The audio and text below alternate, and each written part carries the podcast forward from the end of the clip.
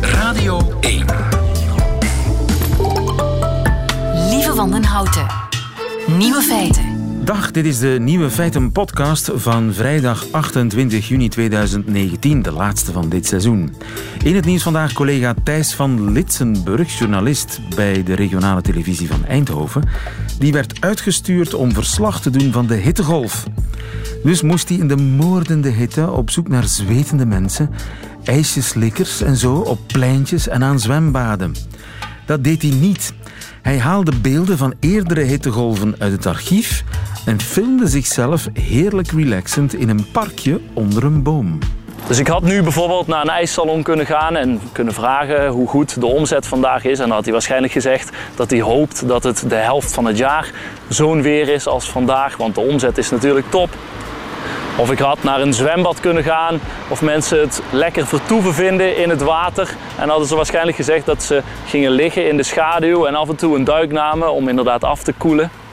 Of ik had naar een bouwplaats kunnen gaan en daar een ZZP'er kunnen aanspreken die zijn eigen werktijden kan bepalen. En had hij waarschijnlijk gezegd dat het 6 uur ochtends was voordat hij begon, zodat hij de hitte een beetje voorbleef vandaag. Had allemaal gekund, maar ik zit hier op een stoel in het park naast Nol met een beetje drinken. En het zal onze tijd wel duren, hè Nol? Ik blijf het grappig vinden. Er zijn nog echte journalisten. De andere nieuwe feiten vandaag. Gerrymandering is juridisch geen probleem, zegt het Amerikaanse Hoge Rechtshof. Maar wat is het? Sander van Horen, de Nederlandse journalist in Brussel, vreest dat Didier Reinders in dezelfde val getrapt is als destijds Ruud Lubbers en recenter Jan-Peter Balkenende en zo naast de Europese topjob greep. Na Finland en Zweden heeft nu ook Denemarken een linkse regering. En Tunesië heeft een homoseksuele presidentskandidaat. De nieuwe feiten van Jean Blaute hoort u in zijn middagjournaal. Veel plezier.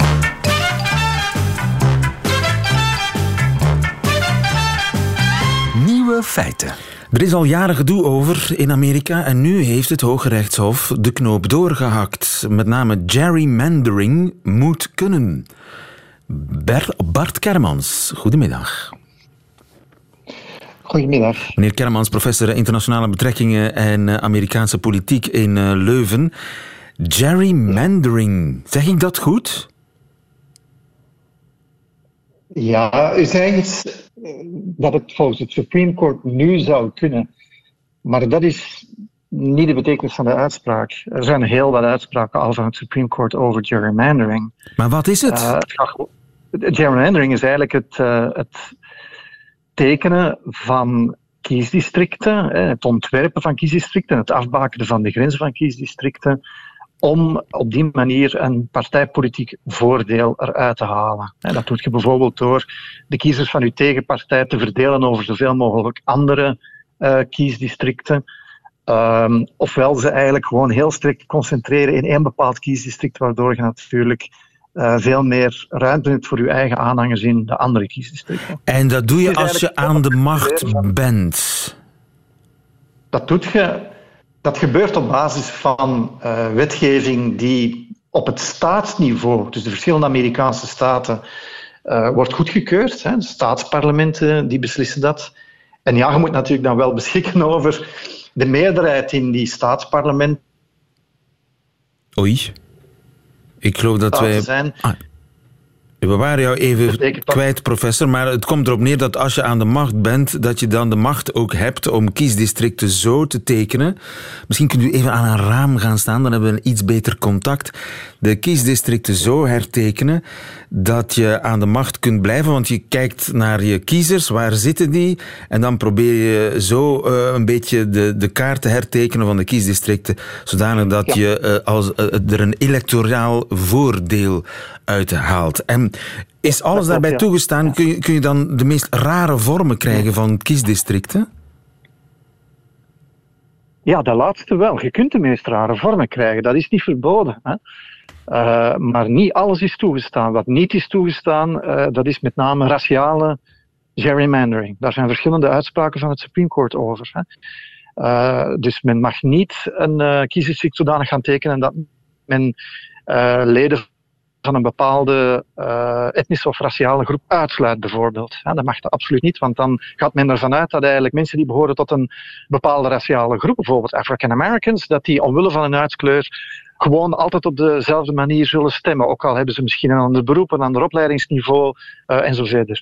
Dus dat is verboden. Hè. Racial gerrymandering is verboden. En voor het overige zegt het Supreme Court, kijk, de grondwet die stelt dat de beslissingen over die manier waarop mensen worden verkozen in het huis, dat dat wordt bepaald door de staatsparlementen. En de grondwet voorziet niet voor het overige in heel duidelijke criteria die dan zouden moeten aangeven uh, op welke manier dan die kiesdistricten eventueel zouden kunnen worden uitgetekend, zodanig dat die eerlijker eruit zouden zien dan vandaag misschien het geval is. Ja, dus eigenlijk zegt het Hooggerechtshof, het is een, een politieke zaak dat op het desbetreffende niveau moet worden opgelost.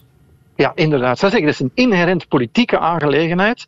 De grondwet heeft niet die criteria voorzien of voorziet niet in die criteria om een rechtbank te helpen om eventueel tot een meer eerlijke afbakening van kiesdistricten te komen. Dus het blijft een politieke aangelegenheid die door die staatsparlementen moet worden uitgeklaard. Ja, maar het is toch een beetje de democratie rekken, hè? Ja, daar bestaan verschillende meningen over. Hè. Uh, en het is niet toevallig dat die uitspraak nu in deze zaak uh, dat gezien dat daar een conservatieve meerderheid van vijf rechters staat tegenover een, uh, een meer progressieve minderheid van de vier andere rechters, is niet toevallig. Hè? Omdat eigenlijk aan conservatieve zijde heel sterk de overtuiging bestaat dat democratie betekent dat de verkozenen des volks de beslissingen nemen. Hier gaat het dan over de beslissingen van de verkozenen des volks over de manier waarop die kiesdistricten er zullen uitzien.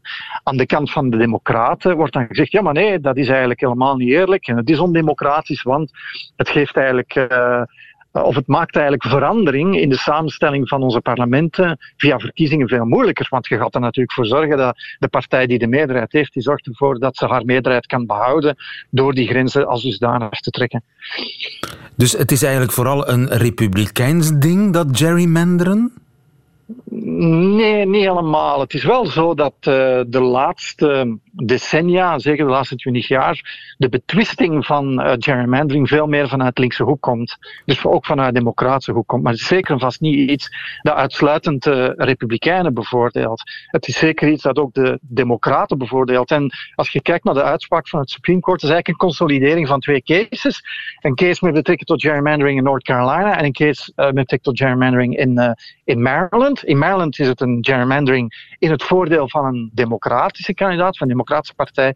In North Carolina een gerrymandering in het voordeel van de Republikeinse Partij. Wat we wel zien is dat over de tijd, hè, op basis van simulaties die zijn gemaakt met een zuiver proportioneel systeem, dat doorheen de tijd hè, dat we zien dat uh, de democraten eigenlijk in de jaren 70 en 60 daar heel veel voordeel van hadden van uh, gerrymandering. En dat dat nu niet meer zo is en dat het nu vooral de republikeinen zijn die daar heel veel voordeel van hebben. Aha. Maar dat zal nog wel een tijdje zo blijven, begrijp ik, na de uitspraak van het Hoge Rechtshof. Ja, uh, ja, ik zie het eerlijk gezegd heel moeilijk veranderen, omdat het Supreme Court hier eigenlijk gewoon zegt van kijk, als je het wilt veranderen, als je rechtbanken een rol wil daarin doen spelen, moet eigenlijk de grondwet veranderen. Dankjewel, Bert eh, Kermans, helder, professor uh, Amerika zal ik maar zeggen, van de Universiteit van Leuven. Nieuwe feiten.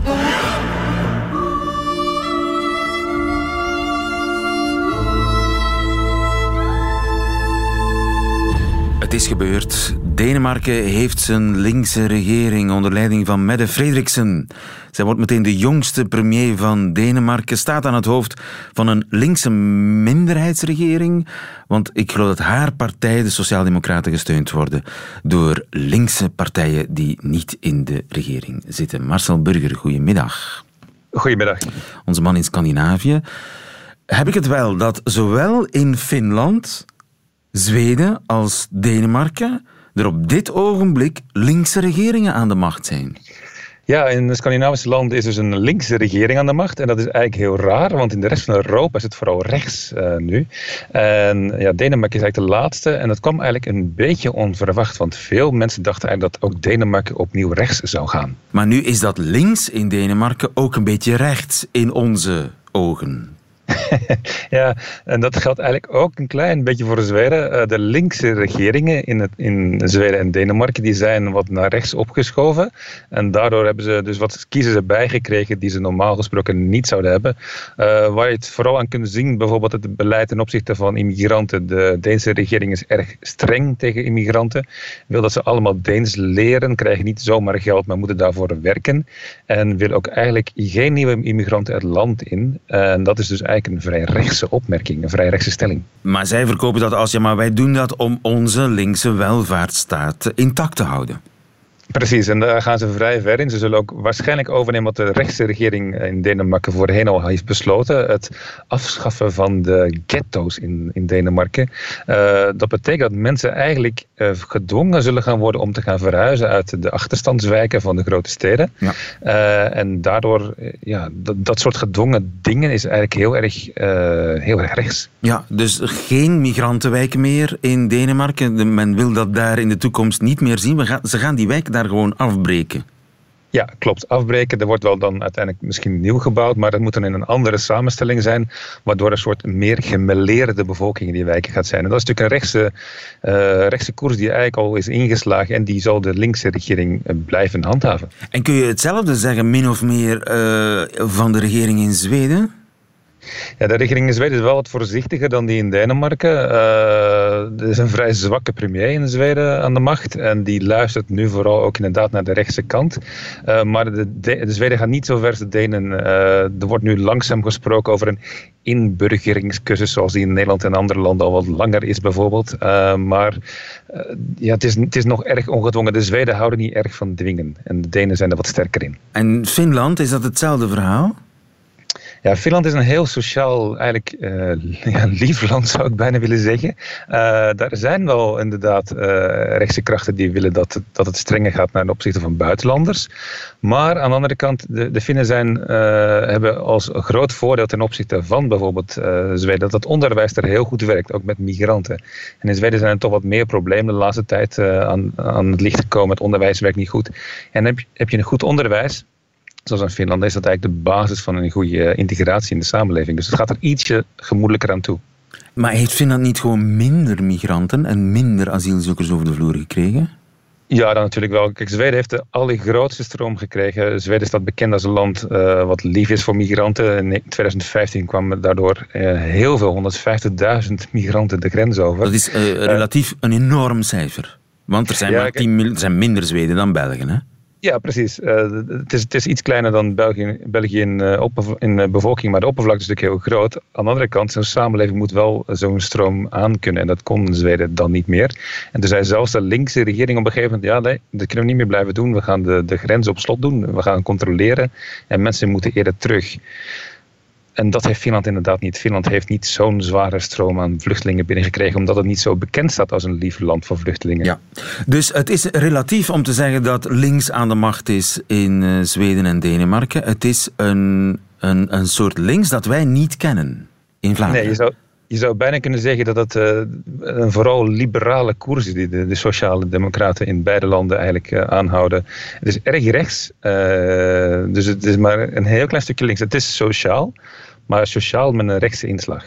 En wat is dan het verschil met de regeringen van vroeger? Want ze komen net van rechtse regeringen, zowel in Denemarken als in Zweden. Ja, precies. Ja, de regering van vroeger die wilde eigenlijk vooral ook uh, nog strengere wetgeving, nog minder uh, lief zijn voor, voor migranten, voor sociale, mensen met sociale achterstand. En dat zou een klein beetje bijgespijkerd worden nu. Ik denk dat het onderwijs meer geld zou krijgen uh, van de Deense regering bijvoorbeeld. daar was de rechtsregering in Denemarken wat, wat minder goed in, of wat minder, die schonk daar minder aandacht aan. Bedrijven zullen wat minder vrijheden krijgen, denk ik. Uh, aan de andere kant, Denemarken moet de economie wel op zien te peppen. Dus eh, het is een, het is een wat rare situatie. Een minderheidsregering is ook gebaat bij steun van die rechtse partijen. Dus het is een soort balanceren op een, op een koord met linkse gedachten, terwijl je aan, aan de rechterkant zeg maar, wordt getrokken en ja, probeer maar eens op dat koord te blijven. Hè? Ja, Scandinavië experimenteert zoals gewoonlijk. Dankjewel, Marcel Burger. Goedemiddag. Graag gedaan.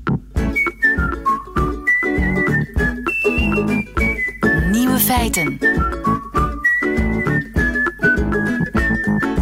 zou er in Tunesië meer kunnen dan in Molenbeek? Want ze hebben daar tegenwoordig een presidentskandidaat die homoseksueel is. Annabel van den Bergen, goedemiddag. Goedemiddag. Annabel, je bent eh, journaliste en Noord-Afrika-kenner. Uh, ja? Woont en werkt daar voor een groot deel van het jaar. Ken jij Mounir Batour?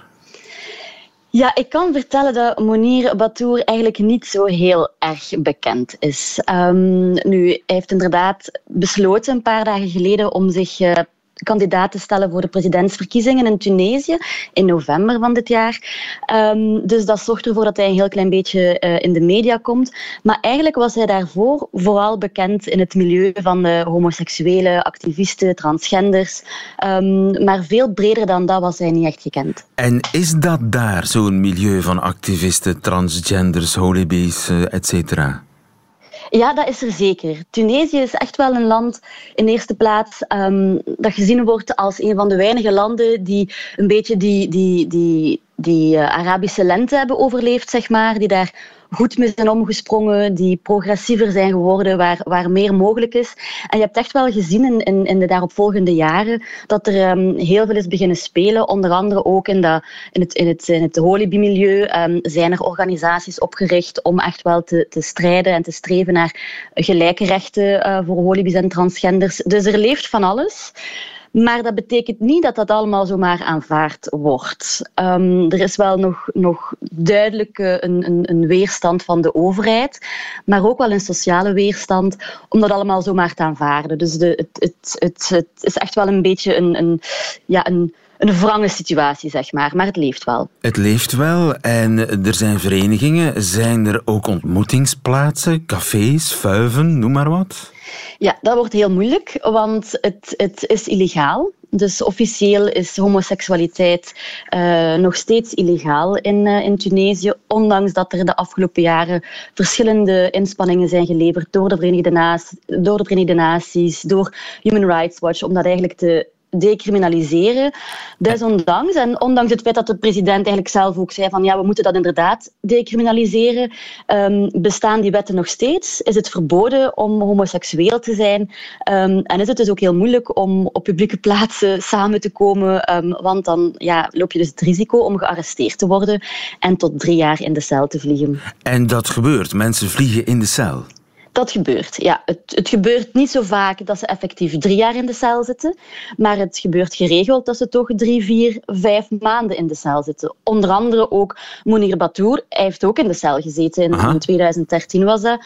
Um, is hij betrapt, zeg maar, of, of ontdekt in het, uh, in het Sheraton Hotel samen met een 17-jarige jongen. En toen is hij eigenlijk um, ja, uh, aangeklaagd voor, voor uh, de misdaad van homoseksualiteit. Um, en heeft hij drie, jaar, uh, in de cel, drie maanden sorry, in, ja. in, in de cel doorgebracht. Maar hij is een jongen van 17, dus die was minderjarig. Ja, maar dat was dus blijkbaar minder, minder van belang. Het, het, het grote probleem was niet die minderjarigheid. het grootste probleem was die, die homoseksualiteit.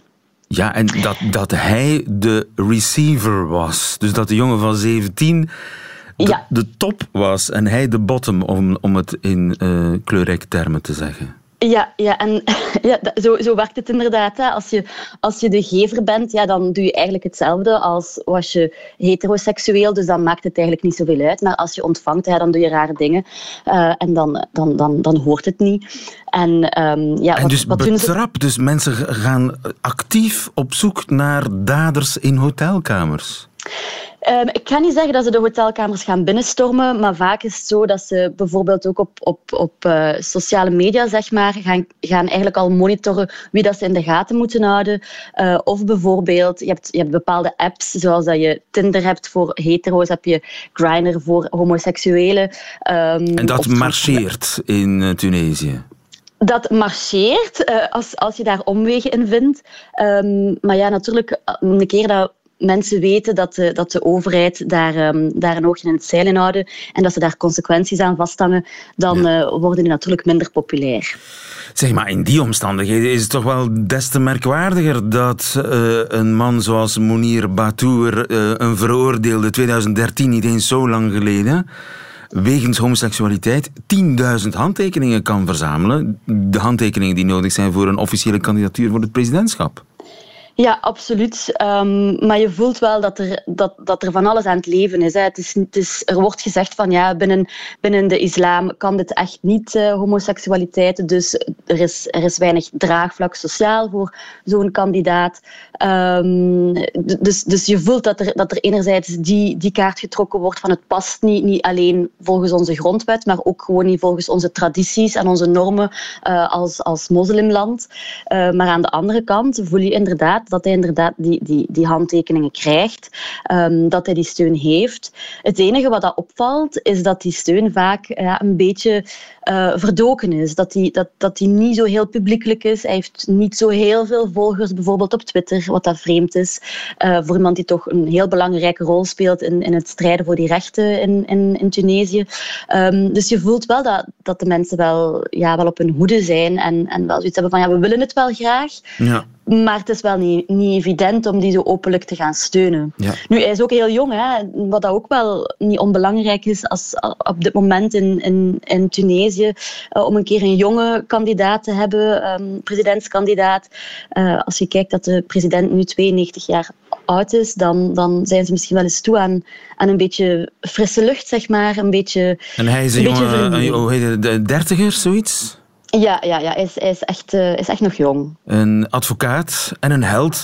Wat mij betreft, als ik dat mag zeggen. Toch? Er is moed voor nodig wat die man doet. Absoluut, toch? absoluut. Hij riskeert van alles en hij, en, en hij doet dat toch. Dus uh, dat is ook hetgeen wat ik hoor van, van, van mensen daar zelf. En ook van, van mensen in andere uh, moslimlanden waar het ook heel moeilijk is om, om uit te komen voor seksualiteit. Als die een beetje afwijkt van de norm.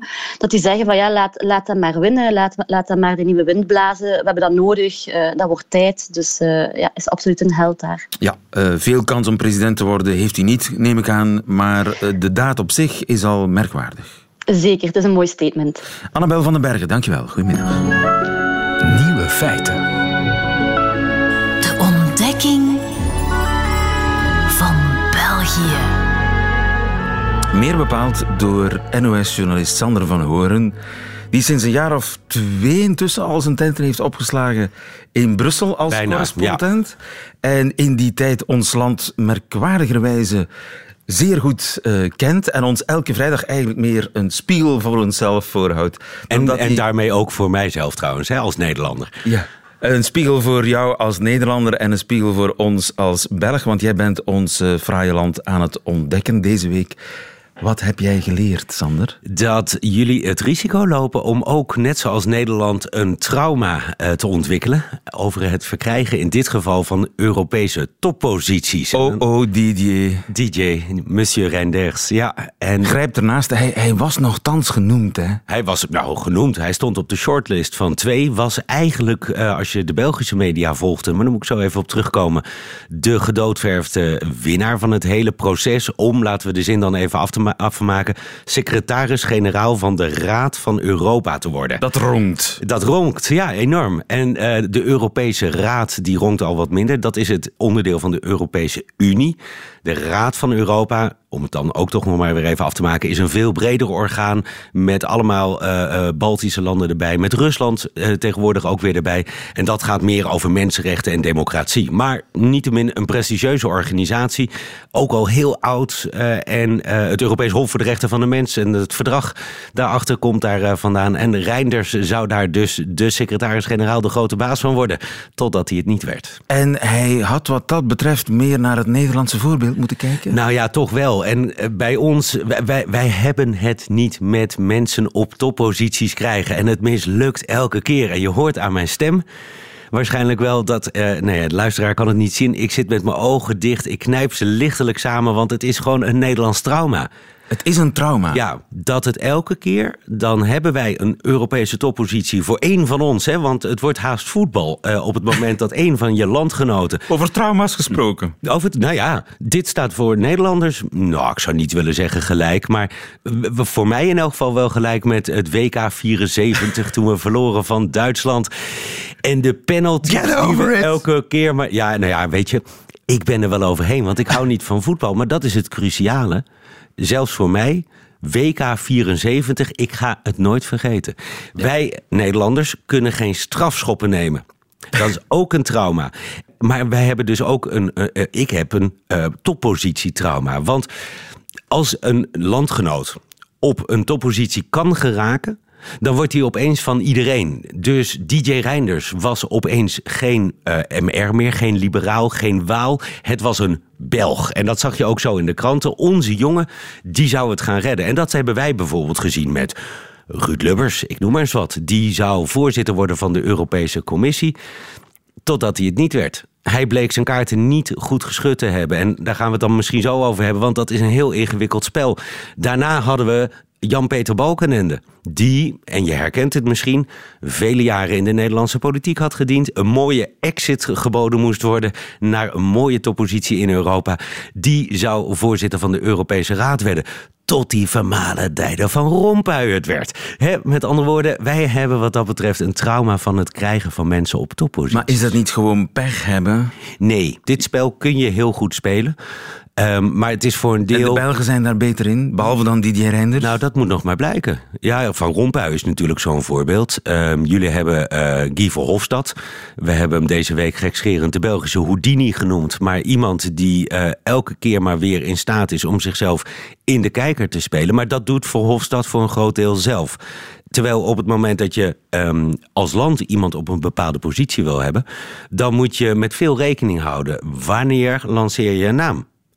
Nu, hè, want Reinders is natuurlijk heel snel vergeten, vandaag in de kranten, eh, hebben jullie de volgende man in de spits gezet. Dat is eh Charles Michel. ja, maar Die dat doet hij toch niet zelf? Nou, dat kun je voor een groot deel wel sturen. Je kunt het moment sturen dat jouw naam genoemd wordt, zo heet dat dan. En dan gaat hij rondzingen. In... Dat is niet goed. Nou, dat kan goed zijn, maar je moet dat niet te vroeg doen. Bij het zoeken naar een ingewikkeld compromis kun je je voorstellen dat je het eerst eens wordt over wie het niet wordt. Ja, en, En dat als- zijn dan de namen die al circuleren. En, als, ja, dat is dan waar je uit kunt kiezen. Dus dan als heb je wit jou- konijn nodig. Oh, maar ja, maar we kunnen die. En dan is iedereen, zoals bij in juries van literaire prijzen, Ja. plotseling, ja, de, het derde beste boek de beste wordt. En vaak zijn dat namen, en zo was eh, Van Rompuy natuurlijk ook een wit konijn destijds, als eh, voorzitter van de Europese Je Raad. moet wit konijn kunnen zijn. Ja, maar je moet als wit konijn moet je uit een hoge hoed getoverd kunnen worden. En dat betekent dus dat die oortjes er vooral niet al te veel bovenuit mogen piepen al van tevoren. Want dan ben je geen wit konijn meer. Dan ben je één van die namen die eh, eigenlijk al op het menu staan. En dan Ja. word je opgegeten. Dus eh, good luck Frans Timmermans. Nou ja, Frans Timmermans of eh, Mark Rutte, die gaat het niet doen. Maar dat is ook zo'n naam die de hele tijd... eh, maar als, als ik nu moet, moet, moet kiezen tussen, eh, nou ja, Belgen... Dan, dan Michel maakt nog wel een kans. Maar hou Verhofstadt in de gaten natuurlijk. Want Verhofstadt wil voorzitter worden van het, ja, van het Europees parlement... En twee Belgen op hoge functies kan natuurlijk niet. Dus er is op dit moment eh, hè, in de strijd om de topposities... je voelt het trauma echt aankomen bij jullie Belgen. Heb je een strijd om topposities... waarbij Verhofstadt en Michel dus eigenlijk tegenover elkaar staan. Ja, volgens mij wordt het Timmermans die iets krijgt. Goed, wat ons brengt bij de woordenlijst eh, voor de laatste keer eh, eh, voor de zomer. Eh, Sander, ben je er klaar voor? Nooit. Ik heb een zomerse woordentest gemaakt. Ben jij een frigobox-toerist? Eh, die heb je al een keer gevraagd. Dat mag. En zo'n ding heet geen frigobox, dat heet gewoon een koelbox. Oké. En, wat, en waar komt de, term frigobox-toerist vandaan? Ehm, dat is iemand die naar de stranden gaat en daar lange files eh, veroorzaakt. En oh nee, dat, je hebt hem toen ook al uitgelegd. Die op het strand al zijn rotzooi achterlaat, volgens mij. Nee? Nee, Nee, ik kijk dan altijd naar de technicus en die weet het wel. Je weet het wel, vertel het. Christine, vertel het. Dat is iemand die ze- zijn eigen eten mee in de frigobox In de koelbox sneemt, En dan ja. de hele dag op het strand blijft zitten. Zonder één cent uit te geven. Voilà. Juist. Ja. En de term is uitgevonden door... Lippes? Juist, Lippens, burgemeester Lippens van Knokken. En dan had hij Het het, hoogstwaarschijnlijk dan over Nederlanders. Niet noodzakelijk, maar het zou kunnen. Want wij Eh, zien jullie als, als mensen die, eh, zeker als het om eten en drinken gaat, niet op een, een euro kijken. nee, en daar laten we het maar rollen. Ja, maar dus toch toch weer niet als je naar het strand gaat. Ja. Eh, je klakske natuurlijk. Nee, Je klakske niet. de klakske. Nee, nee, ik zou het niet weten. Je zwembroek, nee. Een klakske is een petje. Een klak is een pet. Oké. Klakske is een petje. Koude pla vanavond? ik vind hem nu al mooi. Koude pla vanavond? Nee? Nee. Geen koude pla? Nee, it doesn't ring a bell Nee, at eh, all. Of op geen enkele manier. Een koud platje. Een koud platje? Ja, Ja, zo'n koude schotel. ja maar een koud platje. Een pla is een schotel. Oh god. Ja, maar pla. Elke keer weet ik dat ik gewoon voor goed Vlaams in het Frans moet gaan zoeken. Het is echt de, de, de grootste tegenstelling ooit eigenlijk. Maar Ja, of wordt echte, het toch... echte Vlaamse woorden zijn Frans in de Vlaamse basis. woorden zijn Frans, inderdaad. Eh, wordt het barbecue? Om maar eens een heel on-Frans woord te gebruiken, maar dat hebben jullie natuurlijk. Ja, maar wat hoort er op die barbecue? Vlees. Een brochet? Een brochet, een spiesje. Juist, juist. Niet slecht bezig, Sander. Nee. En waar doe je dat? In de nof? Eh, in de tuin? In de tuin, perfect. En eh, neem je dan een pulleke mee? Uh, Pulleke bier? Een, eh, nee. ja, Voor als het eh, begint te koelen. begint te koelen. Nee. Als het begint te koelen, Ja? Dan trek je iets aan, neem ik aan. Een pulleke? Een pulleke? Een pullover. Oh, oké, ja, ja, ja. ik vind echt dat je deze, deze week een eh, medaille verdient. Ik kan voor de zomer Vlaams. kan ik met een gerust hart in. Je kunt met een gerust hart de zomer in en dan schrijven wij een nieuw Vlaams-Nederlands hoofdstuk na de zomer. En go Charles Michel. Go Charles Michel. Dankjewel Sander van Hoorn. Nieuwe feiten. Middagjournaal. Ik woon in Brugge en werk in de Mechelse deelgemeente Leest. In mijn bescheiden hippiefermetje met een schandalig lage Mobi-score. Burgemeester Somers is wat verder in de straat mijn beroemdste buurman. In het aanpalende Hombeek zijn er winkels, scholen, banken en apothekers. En dat geldt ook voor het nabije swingende Kapelle op den Bos, bekend om zijn asbestkweek. Waar treinen en bussen stoppen en vertrekken, een, een station dus. Wie bij ons aanklopt, wordt altijd vriendelijk begroet, geholpen en met de beste wensen verder op pad gestuurd. Vooral de Jehovah's. Maar eh, hier mijn waarschuwing. De eerste, de beste groene kikker die mij hier ooit de les komt spellen over mijn gebuisde Mobiscore mag zich verwachten aan een ouderwetse boerse van mijn erf. Voilà, dat lucht op. Leven Mechelen. En dan is er Brugge. Ik heb er leren van houden. We wonen dan ook in een bescheiden, comfortabel appartement net buiten het centrum. Bushalte op 10 stappen. Op de Gistelse Steenweg hoef je niets tekort te komen qua spijs, drank en voetbal. Dat is oké voor een oude P. Brugge is natuurlijk wereldberoemd om zijn rijke verleden, zijn bourgondische uitstraling en zijn unieke prachtige musea waar het massatoerisme geen oog voor heeft.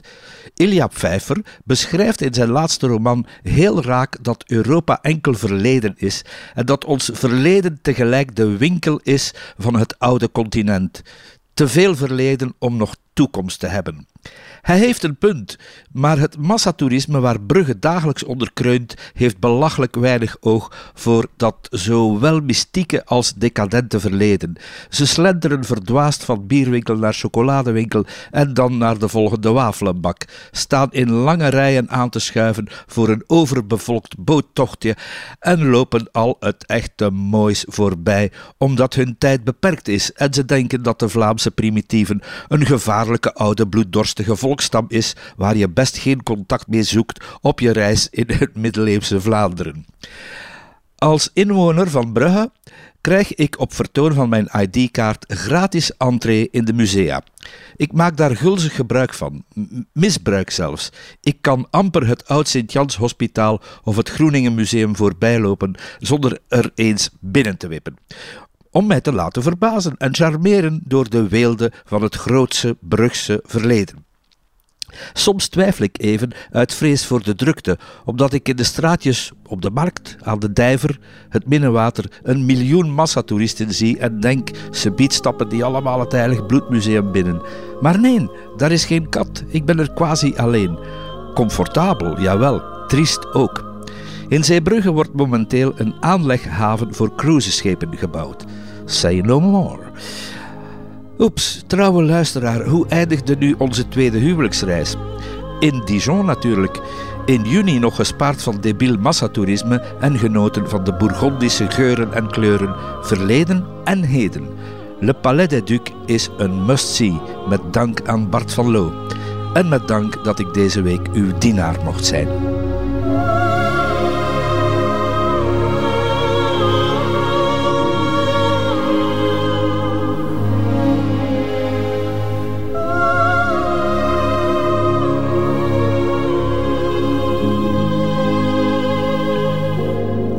Het middagjournaal met Jean Blouten. Meteen het einde van deze podcast, maar u vindt er nog veel meer op radio1.be en op de podcastkanalen. En wenst u de hele uitzending van Nieuwe Feiten te herbeluisteren? Dat kan natuurlijk ook via onze app, de Radio 1-app. Tot de volgende keer.